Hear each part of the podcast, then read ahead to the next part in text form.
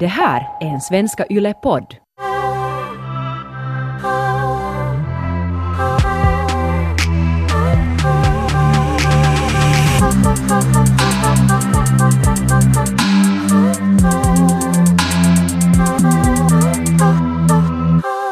Taika, finns det någonting som du inte skulle vilja berätta till din partner? Har du hemlisar? Nu har jag helt säkert saker som, som jag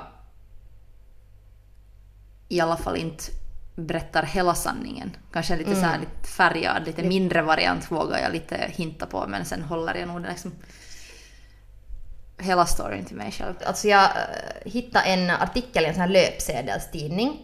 Eller heter det bara löpsedel? Jag vet inte. Men äh, en tidning i alla fall som har gjort en, en, äh, en undersökning med sina läsare om vad de inte vill berätta för sina partners. Så det här är en stor sån här vad finländare inte berättar till sina partners. Um, och jag tänkte då kolla med dig Taika om här är några sådana saker som du kanske känner igen dig på. Och så vill jag också veta om det är något som jag känner igen mig. Okej, den första här är en man 24 år gammal. Mitt riktiga yrke och vad det innebär. Um, det vill jag inte berätta. Alltså jag blir gärna sådär, är han strippa? Är han en eskort? Eller hur? Och det här är ändå en 24 år gammal kille. Men han vill inte berätta då helt 100% vad hans jobb är. Och det kan ju vara ganska tungt. Om man inte kan berätta det. Nej, där tror jag i så fall att man måste dölja en så stor del av sin vardag och sin identitet att det nog kan bli svårt att, att sen släppa någon nära på riktigt. Eller jag börjar tänka på sådana här agentfilmer. När någon är någon secret agent och sen måste den fejka till sin partner att den är kock eller någonting. Modell. Ja. Jag vet inte. Så, så jag tror att det kan nog... Alltså det kan ju bli en livsstil, man kan ju tycka att det är spännande. Ja, det är tror dubbelliv. Plus att, att jag skulle nog känna mig, sen om man fast har varit sig, eller sådana saker blir ju värre just, eller större, ju längre man är tillsammans med någon. Hem, hemligheter växer så att säga. Så att sen om man ska vara tio år tillsammans och sen skulle du, du har en barn och allting och sen får veta att ah, din, din man eller fru är en eskort eller CIA-agent. Mm. Så.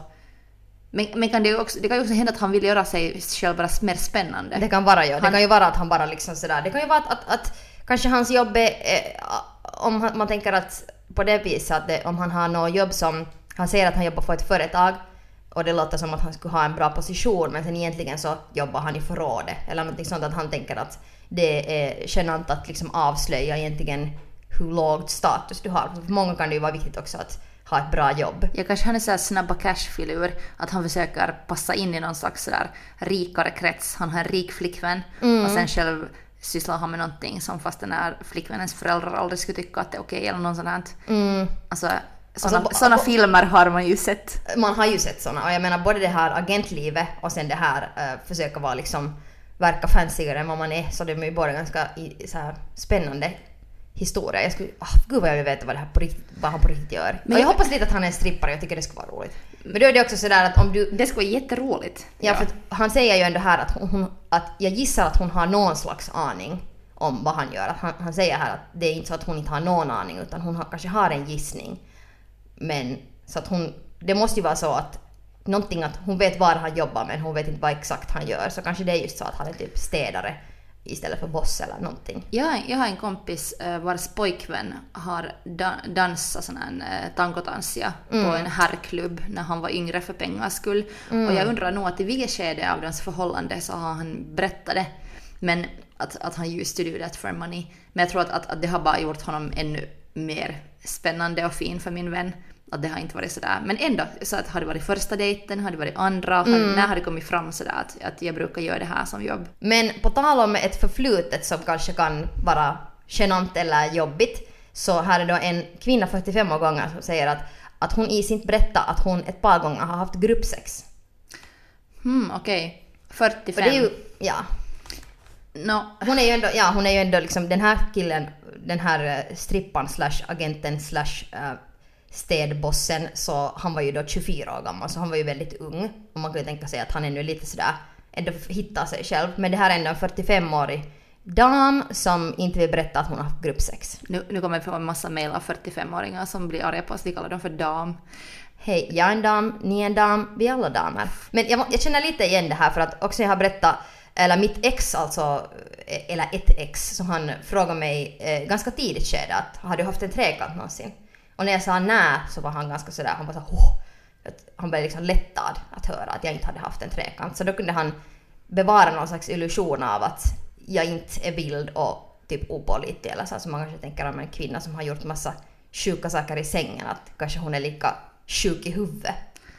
Hmm, det där är lite sorgligt att höra. Eller jag menar, hur skulle han då ha reagerat om du skulle ha sagt att ja, jag har haft trekant? Mm. Skulle han då vara såhär oj nej! Eller alltså... Han, var ju, han blev helt förstörd när jag berättade att jag gillar tjejer. Då var han helt såhär nej! Vet du, det, det var det värsta så att Men det måste ha med det att göra att man, man ofta, eller människor kanske upplever deras partners sexualitet som ett potentiellt hot om de inte själv är så sexuella eller erfarna eller spännande. Att, att då kan det att, att, att om han då erkände att han blev lättad av- över att du inte har haft trekant så kanske han blev lättad av det att då är det kanske ingenting som du sådär vill ha. Eller jag menar kanske det skulle vara så om du ska ha sagt att jo jag har haft trekant så ska vi säga shit att nu måste vi också ha det säkert i något skede. just det, ja sant ja. Ja det är kanske en, mm, det skulle kanske tänka samma också. Men den här kvinnan i det här fallet, om hon är 45, så känns det ju sådär att hon har ändå velat berätta det till den här tidningen. Att, att det är ändå en hemlighet som hon bär på, att hon har haft gruppsex. Mm, ja, det är inte sådär whatever, det här har nu hänt någon gång och det har ingen skillnad. Kanske det, men alltså, jag, för jag tänker också det att om du är en sån människa som är så, så sådär um, sexuellt erfaren att du har gruppsex. För det är ändå sådär, det är ganska liksom, det kräver ganska mycket självförtroende och liksom sådär att går man nu sådär från att ha vet du, sex alltid nu och då till att ha gruppsex. Det är ganska pro level. Och det är ju fucking nice men det är kanske just liksom därför det känns väldigt sådär jobbigt för henne att inte få berätta det för att hon verkar vara då en väldigt sexuell person. Och det är ju synd att då man måste då leva i någon så här skåp av att bara tycka om typ så här missionärställningen och inte få tala om sina ljuvliga erfarenheter. Ja, eller att, att inte kunna berätta om sin sexualitet, sexualitet ärligt tycker jag Ja. ett tecken på att du inte får vara dig själv ärligt. Att vad är det då som hon, varför måste hon hålla det hemligt? Eller jag började tänka på den här serien Euphoria som du och jag och typ hela världen nu har kollat. Den serien är ju jättebra, första säsongen har ju slutat och där finns en karaktär Maddie som är en sån här snygg populär tjej och för att pocka eller få sin kille att vilja ha henne som en flickvän och inte bara som ett ligg så övertalar hon ju den här killen, eller fejkar till den här killen att, att hon aldrig har haft sex med någon annan. Att hon är sådär, hon ger sig själv för första gången helt till honom. Och det fungerar, att han blir så här tänd på det. Och det är just den här, den här liksom virgin-myten som man har sett så mycket i populärkultur och själv, också, själv också på något sätt lärt sig att tänka på som ung kvinna. Att, att det är på något sätt fint. Att man är Finare. bättre om man är mera orörd. Desto mer orörd, desto bättre. Ja, och sen att Vad det gäller bara tjejer. Ja, att kanske den här 45-åriga damen då tyvärr är i ett lite sånt förhållande. Mm. Att, att det ska göra henne på något sätt att hon är rädd för att hur hennes partner skulle reagera om Ja, att hon, skulle berätta. bli judgad på det Ja. viset.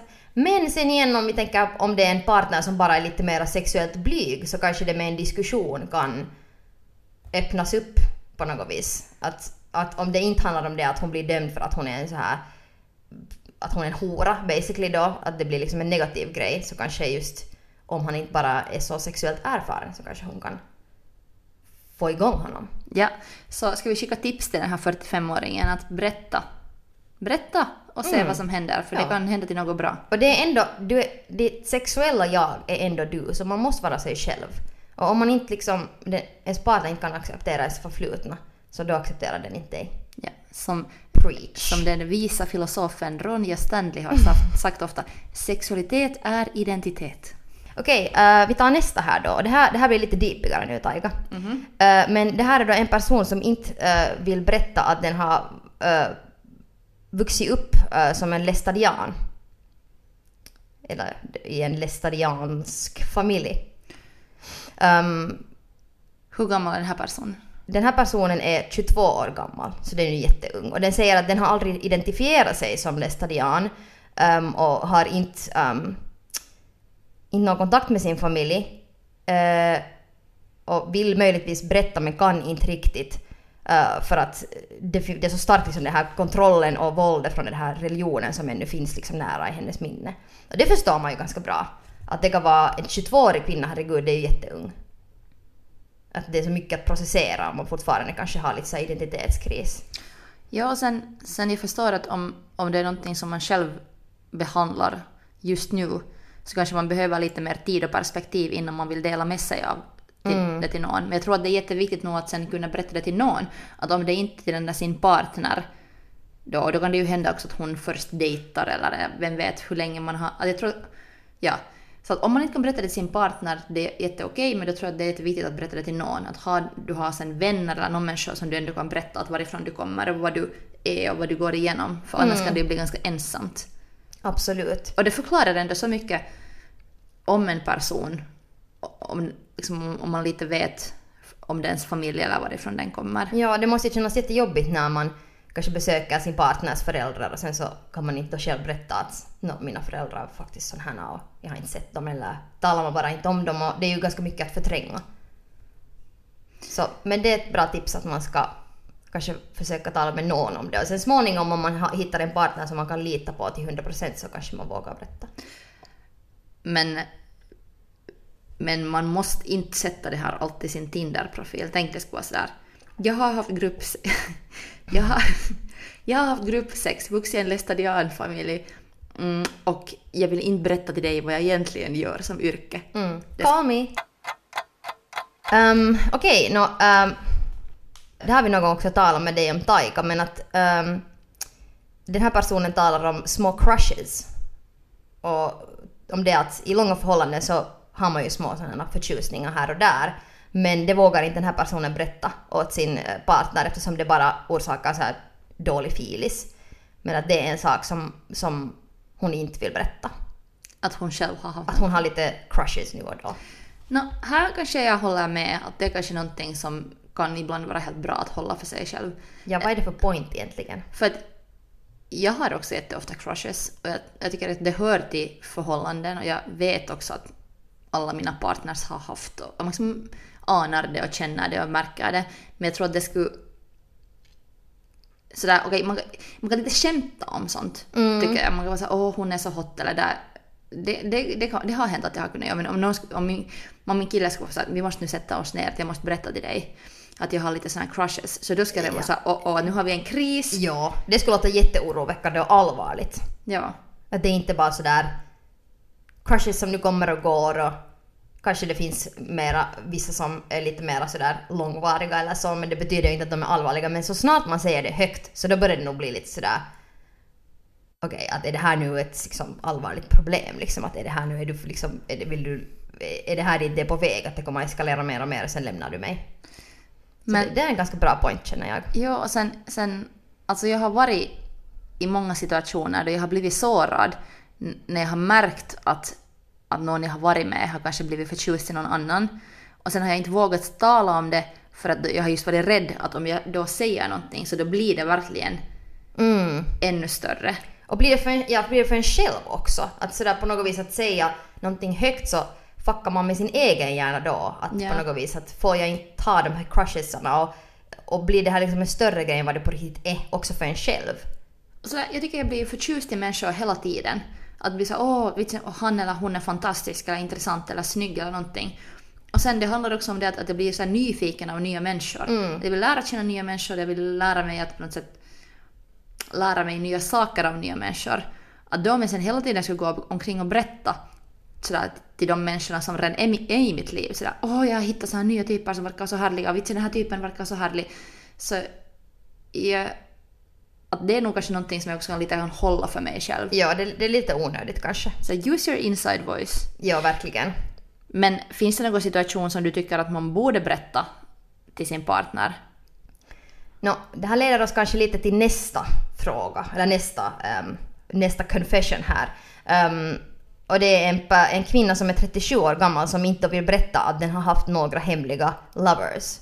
Som har hjälpt den här personen att förstärka sin egen sexuella intuition. Bullshit, bullshit, bullshit. Gud vad fånigt. Um, hon säger att mannen liksom hemma visar inte riktigt mycket intresse fast jag har berättat att jag behöver det. Och ja, så hon vill inte berätta att hon har varit otrogen och så säger hon också här att hon har lite textat med några yngre män.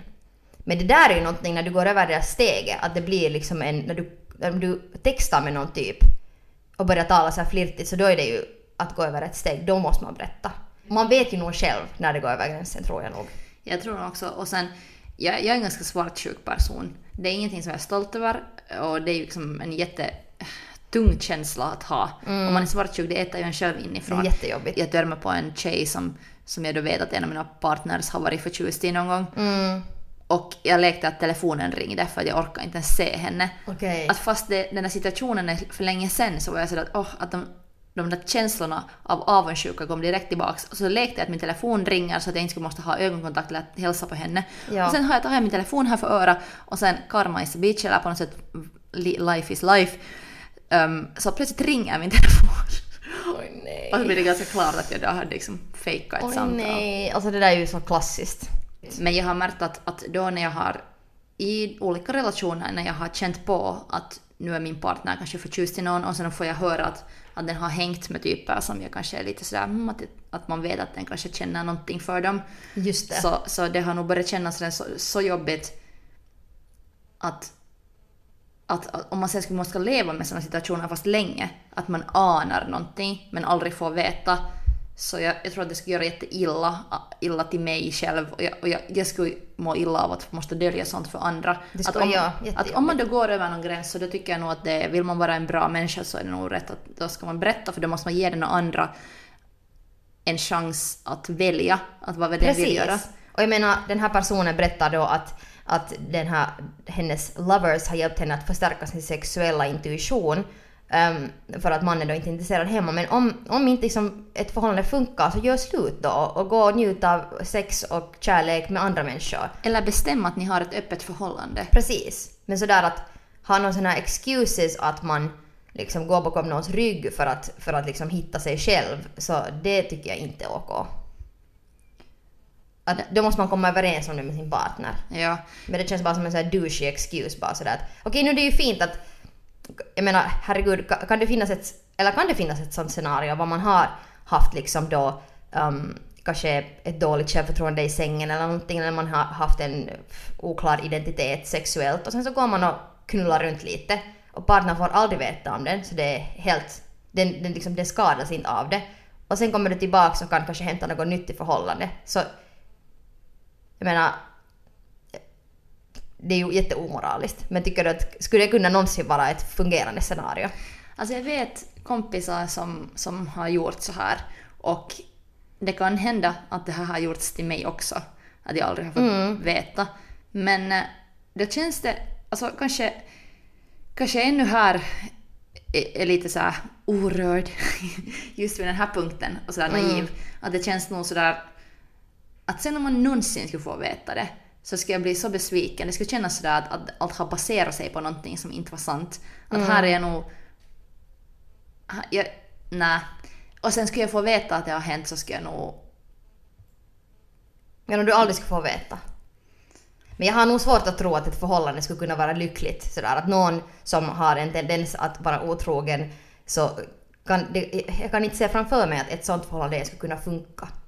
Alltså jag, jag, tycker nog att då skulle jag hellre vilja att den här människan skulle släppa mig. Ja, precis. Att låta mig gå och sen göra vad den vill. Om Men det är så att vi inte kan kommunicera på ett sånt sätt att jag kan ge någonting åt den här personen så att det här förhållandet ska funka. Om det går till det att man måste gå bakom någons rygg så då är det nog inte ett förhållande som är bra att ha. Men jag menar, liksom, det finns ju länder som vet du, Japan och eh, kanske Frankrike var människor har mera Lovers. eh, lovers. Och det är mera kulturellt vanligt att vi är kanske uppvuxna också i en sån kultur var man inte är otrogen. Men jag tycker bara att det blir så smutsigt genast. Men om den, om den ena ska vara otrogen så då måste den andra också kanske ha en förståelse för att okej det här händer men jag bryr mig inte. Eller jag väljer att inte bry mig. Alltså, jag tycker nog tyvärr att de flesta människor är sådär som, som alla stories i typ Drake-sånger. Sådär att, att, att man själv nog vill, vill ha rättigheten att inte knulla runt men man vill hålla de där hjärtan man samlar. Man, man vill liksom inte ge sina lovers vidare. Just det. Att, att det kan vara romantiskt i sitt egna huvud att tänka så att man är fri och knullar runt och sen lär man sig och aldrig får någon veta. Men sen om, det, sen om man får veta att det händer till en så tror jag att, att det är få som, som klarar av det. Att ens ego är nog på något sätt ganska starkt. Och vi avbryter veckans avsnitt av Vi säger med Ronja och Taika för att ta veckans hot. Taika, vad är fittigt hot den här veckan? Zendaya. Hon är skådisen som har varit en Disneyprinsessa som ung men nu har blivit en världsstjärna Mm. via den här Euphoria-serien. Och jag är helt säker på att efter den här serien så nu är det, till näst blir det Oscar-roller för henne i filmer. Jag fick kalla kårar. Hon är så hot. Mm. Mm, Zendaya. Min eh, veckans hot är Heavy Metal Sticknings Championship. What? Eh, det har ordnats, faktiskt här i vårt lilla land Finland, um, har det ordnats en stickningstävling som inte bara är stickning men alltså heavy metal stickning. Det var bland annat då liksom rockaren som då skulle morsa medan de sticka. Det var en uh, geisha liknande karaktär som sticka och det var faktiskt hon som vann. Men eh, heavy metal stickning tyckte jag var ganska hot. Måste du byta underbyxor efter att du hade sett lite på det här? Ja. Vi säger så. Mm. Heavy metal stickning. Hot. Tillbaks till podden.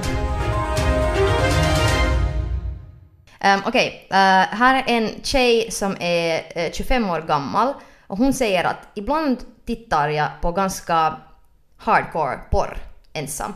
Ehm, och det vill hon inte berätta. Um, hon säger också att hon drömmer om andra människor ibland, sexdrömmar alltså, och det vill hon inte heller berätta.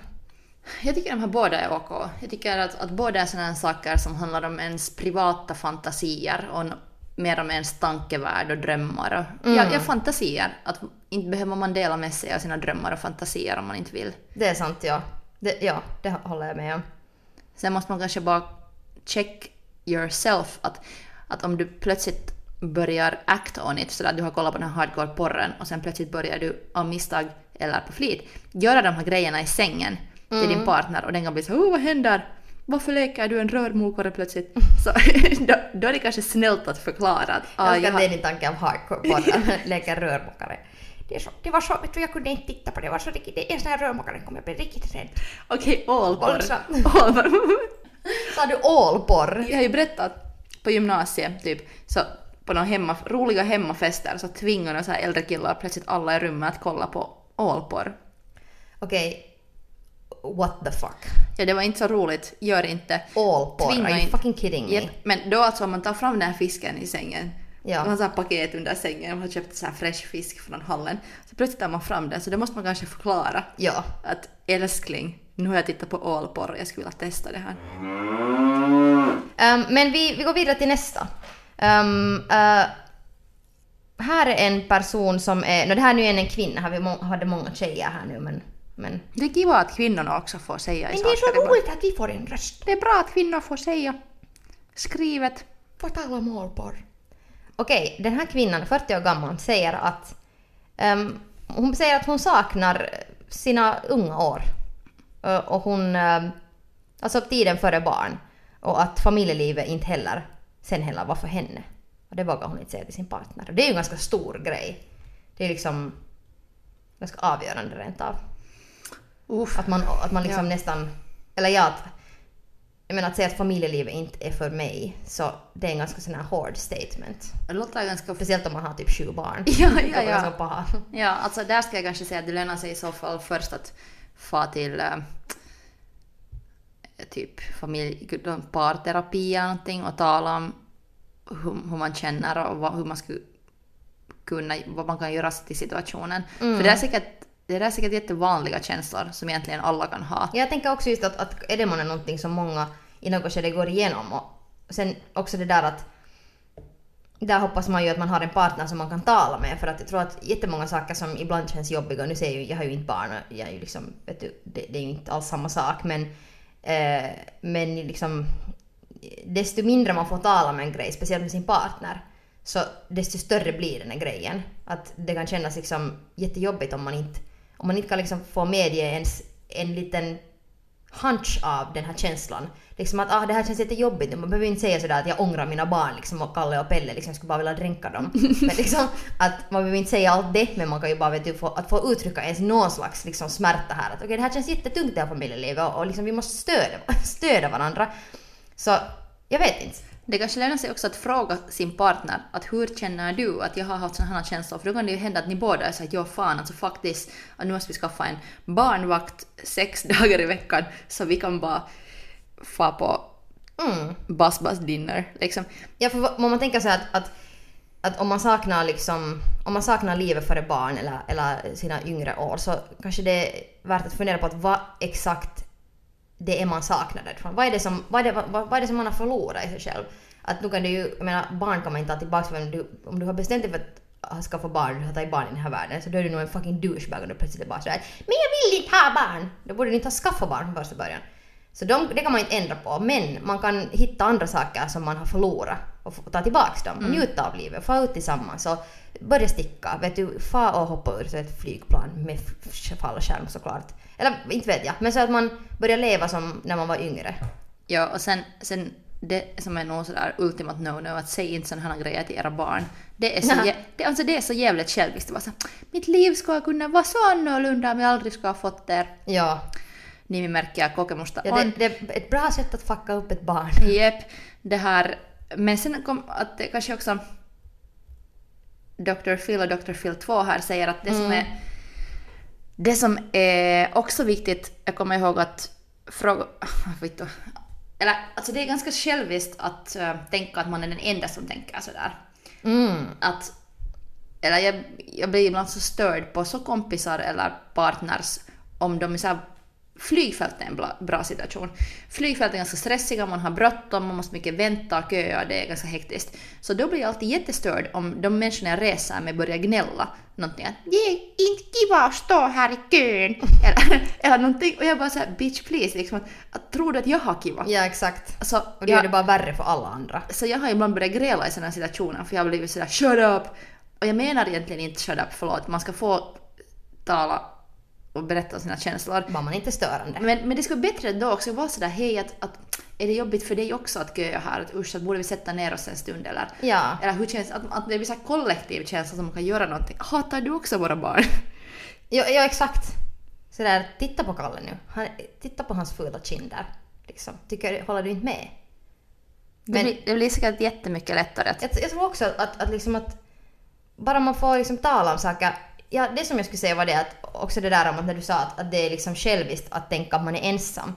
Så jag började tänka på sådär när man var tonåring och man typ tittar ner på sin VJJ eller någonting och man bara såhär att jag är säkert den enda som har sådana här blygdläppar i hela världen liksom. Och man, jag trodde att jag var ensam i allting. För att jag inte talar med någon. Inte talar, jag liksom jämförde mina fucking blygdläppar med min, mina syskon. Okej, sorry det här så TMI nu. Men så typ att, vet du sådana grejer som när man var tonåring och man trodde att man var ensam i hela världen för att du inte vågade tala om det med någon. mm, så då tror du att ingen annan går igenom den här samma saken. Även om det är så senare inser man att det är de mest generiska, typiska problemen som en tonåring har. Och det här på ett sätt låter ju som ett jättetypiskt problem också för att ha någon slags kris med att vad för fittan har jag de här sju barnen och det här känns jättejobbigt och mitt liv är tråkigt nu för tiden. Att om man skulle bara få tala om det så kanske man inser just att aha vitsigt att jag har fem kompisar som upplever samma sak. Exakt. Och nu känns det mycket bättre och kanske det leder till att man lämnar sin partner och gör någonting annat eller sen att man eh, bara hittar nya saker att göra. Men i alla fall så att man inte känner sig ensam. Mm. Och sen just sådär som... Nå, alla kanske går igenom när de första gången får sitt hjärta i bröstet. Att Mm. jag är den enda som lider så här. Ja. Och sen, sen efter att någon har söndrat ditt hjärta, eller du själv har söndrat det typ tio gånger, så börjar det vara så ah okej, att det här livet. Ja, det här, det här är life. Det här är ett mönster. För att nu baserar jag min kunskap här på movies igen, filmer jag sett. Men sådana föräldrar som då har insett att familjeliv inte är för dem och så har de stuckit.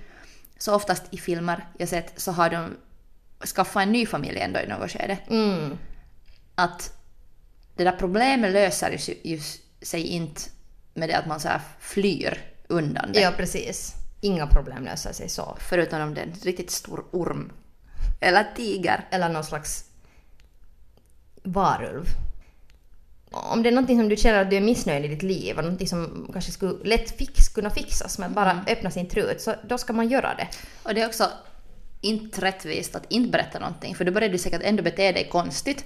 Precis. och det ja. börjar spegla sig i några andra små situationer och sen Jag hatar det också att om man måste li- lirka ur folk så här, vad är det nu, vad är det Ja. nu, vad är det nu? Sen Ja. kommer det i något skede såhär, jag hatar det, jag hatar det i fem år. Så där. Ja. det blir lite lättare om man så här kan säga det så här Liksom, ja, då, liksom in real time och inte sådär då när man vill så här yxmörda någon. Mörda. Okej, vi tar nästa då. Nå, här var ett par faktiskt olika points, eh, ett par olika typer som har eh, antingen då om hur mycket eh, pengar de använder eller sen hur mycket pengar de har. Mhm. Ehm, Jag kan tänka mig att det är så här världen över och har du gjort det där någonsin att du har köpt någonting så har du gömt den här påsen någonstans så att din partner inte ska se att du har köpt någonting. Um, ja, ja, det har jag gjort. Ja. Och Jag har köpt några nya skor eller något, just något sånt där, beställt några grejer så. Ja, Ja. det har jag gjort. Jag var i ett skede lite, här för ett halvt år sedan typ, lite hooked i att eh, beställa hem böcker från nätet. Det, det. gick så fort och bra, sen behövde man först betala senare, sen senare sket det- det ju sig när man måste betala så mycket gång. Men det var så Det är lustigt det där, det där senare betalning, man måste ändå betala. Ja, jag lärde mig det sen.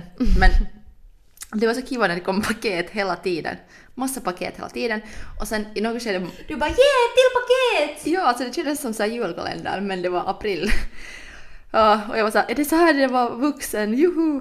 Och sen i något skede så fick jag sådär kommentar från min kille att nu skulle det kanske vara bra att läsa de här böckerna först före du beställer mer. Och sen var jag såhär, jo jo, men det gick, det gick inte att sluta sådär genast. Just det, du blev lite beroende där. Ja, nu har jag alltså slutat. Nu, nu minns jag inte ens det där senaste paketet så att allt är bättre nu. Okej. Livet vänder Du har varit ren nu i några till alla book junkies. Jag bara säger det blir bättre. Mm, mm. Och vad jag skulle vilja säga till en yngre mig. Du kommer att köpa färre böcker än någon gång. Det är så viktigt, du är så modig när du talar om det här Taika. Jag jag är så stolt över det att du talar om det här. Nej men nätshopping är ju ett allvarligt problem. Det, det är faktiskt sant också. Ja. Ibland så skojar jag bort det här men... Men äh, ja, Och- så sen, sen, mm. sen äh, för att dölja det här att hur mycket pengar det får till en massa böcker jag inte riktigt hann ens läsa så började jag gömma de här paffpaketen när böckerna kom. Men jag orkade ändå inte föra dem till roskisen, så så mycket orkade jag inte dölja. Men jag började så här dölja de paketen och paffpaketen och så började jag dölja de böckerna också. Just det. Men min kille märkte alltid, han var genast sådär, vad är det här för böcker? Vad är det här för paff? Så jag blev fast genast. Och det där har jag märkt varje gång i mitt liv jag har försökt dölja någonting som jag har använt pengar på redan när jag var, bodde hemma hos mina föräldrar och sen i alla förhållanden. Så det, jag har aldrig lyckats. Att jag har liksom alltid försökt nog dölja mitt pengaanvändande men är det sen nya skor eller böcker eller sexleksaker vad som helst så folk hittar ju ändå dem på något sätt. här den här ena kvinnan som är 26 år gammal som inte vill då nämna om sitt äh, pengaanvändning för att hon då alltså gamblar. Ah, ja, ja. Äh, så då är det ju... Då handlar det ju inte bara om... Eller klart, jag vill inte alls nu äh, förminska din, din bokaddiction här nu Taika för att det var så modigt att du berättade om det. Men att faktiskt handlar om också äh, riktigt, riktigt beroende. Så det, det är jättetungt. Det är ju skitstungt liksom att, att försöka gömma när man verkligen liksom kämpar med en, en sjukdom som påverkar dig hela tiden och du hela tiden vill på något vis stilla dina bekymmer med att kanske då gambla eller vad det nu sen än kan vara. Så det kan ju vara skitjobbigt. Alltså och faktiskt. verkligen svårt sen när du har du kan ha många tusen euros skulder eller jag vet inte. Ja, de maff- 10 000, maffia- 100 000, maff- miljoner! Ja, och sen alltså en maffia som springer efter en typ. Och just när, när saker händer online, eller sådär att när du spelar spel, så det är så lite pengar åt gången. Eller så att du liksom sätter lite åt gången och sen småningom så bygger du upp hela tiden. Du får en sån kort kick och sen så, det handlar inte om att så här, på en gång betala 20 000 någonstans. Men plötsligt har det ändå gått jättesnabbt men det kanske inte känns så i stunden. Men, men ja, desto större summor där blir och allt såna här, alla så här stora hemligheter kan ju bli liksom desto större de blir desto svårare är det att berätta Mm. att på något vis så skulle man själv hoppas att om man någon gång skulle vara i den situationen jag säger inte att jag har någon gamblingproblem eller någonting, men så att, att därför vill jag alltid berätta allting genast. Ens, ens till någon. Så som du sa då om det här lästadianen, att, eller ex-lästadianen, att, att fast man inte kanske vågar berätta till sin partner, så berätta till någon. För då li, blir det liksom lättare varje gång. Och sen i något skede kanske man vågar berätta till sin partner. Jag minns en gång på lågstadiet att jag inte vågade berätta till mina vänner att jag hade hört att mina föräldrar hade sex med sina partners eller något sånt. här. Ja. Och det, det var nog ett år eller Att, att föräldrar hade sex med sina partners. Alltså mina föräldrar var inte mer tillsammans, de hade sina egna partners. Ja, just det, Och sen hade jag liksom hört att de hade sex och det kändes så smutsigt. Jag var helt sådär oh my god. Jag trodde det var den enda som det har hänt till. Och sen minns jag att jag höll det då ett år eller någonting. Jag var såhär, jag kan inte berätta det här till någon. Och sen till slut, jag var typ tio. Ja. Och sen när jag berättade, och sen när jag berättade till någon kompis, de sa att ja, det är så jobbigt, jag hör med mina grannar. Eller någonting så blev det genast. Men jag minns att hur det lättade, Mm. att det kändes som att jag hade bärt omkring på en sten. Men att man kan också så lätt fastna i en egen bubbla, var du kan göra helt jättekonstiga slutsatser. Är det sen att det gäller sex eller förhållande eller ens identitet, så att desto mer ensam du blir så man kan så lätt förvränga saker också. Så att hur man borde lösa en situation. Så på något vis så varje gång man får sen tala med någon så man kan få så bra tips också, eller just bara det att du inte är där i din bubbla och fantiserar en massa eller spekulerar om hur någonting kommer att gå, hur någon människa är eller hur du själv borde göra. Att det så lätt blir sådär fucked up när man bara är ensam med en grej. Kommer du på vad, din, vad, är, vad är din största hemlighet? Ja, men jag kan inte berätta det. Det kommer antagligen ändå någon gång att bita mig bakifrån, men, Är sant? men att jag tänker inte berätta det ännu. Okej, okay, men då får du hålla det som en hemlis. Um, Läs min första bok när den kommer sen. Det. stora hemlighet. Där står den. mm, vad ska jag månne ha för hemlis? Jag har inte kanske så mycket, men ibland, ibland så kanske från mitt förflutna så finns det vissa lite sådär jobbiga grejer som har hänt som, jag, som han inte kanske helt vet om exakt vad som har hänt. Um, men det är ju inte saker heller som på något vis jag bär på utan det är sånt som vi nu inte har hunnit tala om ännu. Vi hinner säkert göra det i något skede. Men jag har definitivt haft så många hemligheter från mina ex som har just uh, slutshameat mig och jag har inte kunnat berätta liksom till exempel att vet du, jag hade en session med en kille idag vi jobbade i studion tillsammans och skrev låtar. Eller att den här typen liksom kommenterade på min röv och det kändes jobbigt för jag kunde inte berätta det för då skulle jag vara den här horan som har typ orsakat allting även om det är någon annan som har kommenterat på min röv. Så jag har haft såna ex bara som har varit svartsjuka så då har jag måste ha massa hemligheter och det har känts jättejobbigt. Även om man inte har gjort något fel så sen så tänker du hela tiden att jag kan inte berätta vissa saker för att den här människan börjar må dåligt. Så det, det är ju också dumt. Men det är också ett tecken på ett ohälsosamt förhållande. Kanske de två största temana här var sexualitet och pengar. Mhm. Sex and money. Att det är två grejer som människor har svårt kanske att sådär vara öppna om. De här båda sakerna har ju jättestort värde i vårt samhälle. Så det kan ju göra att de blir sådana saker som lätt blir svåra att tala om. Just det där som den här, typ, om jag nu minns rätt, just Joan Didion. Känd författare har sagt att du minns bara, bara vad du vill glömma. Så det du försöker dölja, så det kommer på något sätt att komma fram ännu större. Mm. Absolut. Så tror jag. Ja, och det, det kan låta lite så här skrämmande för någon just som håller på att bära på en stor hemlighet. Men för sådär, att den känslan sen när man får berätta om det som man bär på, så det, det, det känns så fucking bra. Ja, man behöver ju inte berätta allt. Nej, no, Det, som- det, här, det här vet ju du och jag inte, så vi berättar allting. Men som den här personen sa, som vi redan konstaterat, att jag menar, vissa saker som crushes och kanske du inte behöver alltid berätta om att nu har jag köpt tre nya klänningar, men man behöver ju inte göra det om man inte vill. Det betyder inte att det är något konstigt där för att du inte berättar. Att det att du har hemlisar, så det betyder inte att det ens klassas som en hemlis. Men sen om det är någonting som du inte kan kontrollera eller som du vet att du gör någonting fel eller skadar någon annan. Så då vet du kanske att okej, nu är det dags att öppna truten. Tusen tack Taika! Tack Ronja! Så kom ihåg att go fuck yourself!